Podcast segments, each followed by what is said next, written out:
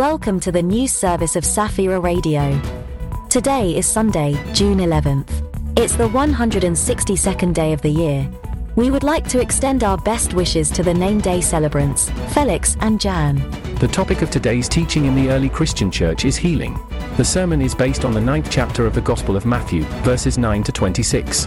It discusses the connection between God and our illnesses, as well as the ways of prayer. Is it worth trusting God in difficult times? What role does mercy play? Find out more on the church's website at www.christiansimperland.com. Now let's move on to the historical calendar.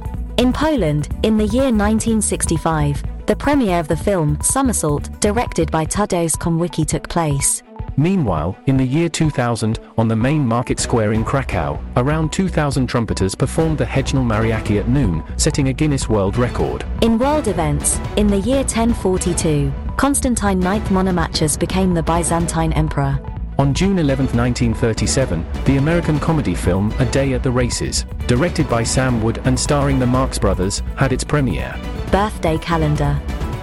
In 1939, Johann Schultz, a German Lutheran clergyman, theologian, philosopher, and mathematician, was born. He was a professor of mathematics and friend of Immanuel Kant. On June 11, 1839, Stanislaw Rotwand was born. He was an active social activist and philanthropist.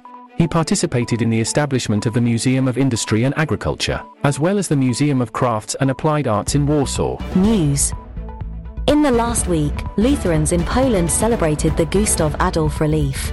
The holiday commemorates the assistance provided to the evangelicals by King Gustav Adolf in the 17th century. In June, other Christian denominations in Poland also celebrate their holidays. The Old Catholic Mariavite Church celebrates the Feast of the Nativity of St. John the Baptist and the Feast of the Apostles Peter, and the Orthodox Church celebrates All Saints Sunday. Following that, they begin the Apostles' Fast, which ends on the day of remembrance of the Apostles Peter and Paul. The latest issue of Zwiastun Ewangelicki has been released. In the newspaper, you can read about how God reveals himself anew and in different ways each time. Pastor Lucas Gass highlights the role of disabled individuals in the life of the parish. The magazine also discusses topics such as confirmation, adoption, and fair trade. Spain. The National Prayer Breakfast took place in Madrid. It was organized by evangelical churches in Spain. Politicians and evangelical leaders attended the event to pray for the country and its leaders. In Germany, the Jesus Conference in Cuxhaven was held. This year's edition gathered over 1,400 participants. Meetings and workshops were held under the theme of how to navigate through crisis. The tradition of these meetings has been going on for 30 years. USA. The Christian and Missionary Alliance denomination approved the ordination of women. The decision was supported by over 60% of delegates, although there were also voices of criticism. President John Stumbo emphasized the need for mutual respect and dialogue on this matter. The alliance encompasses around 2,000 churches in the United States. Poland. On June 18th, a special concert will take place at Castle Square in Warsaw. The event will be a Thanksgiving celebration for freedom and peaceful transformations inspired by the message of Pope John Paul II. Over a hundred performers will participate in this unique musical spectacle.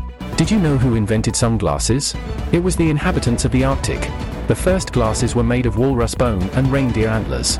They were designed to protect the eyes from sunlight and snow. The goggles had small slits, allowing only horizontal eye movement. That's all for today in the news service of Safira Radio. We wish you a good Sunday and a blessed week.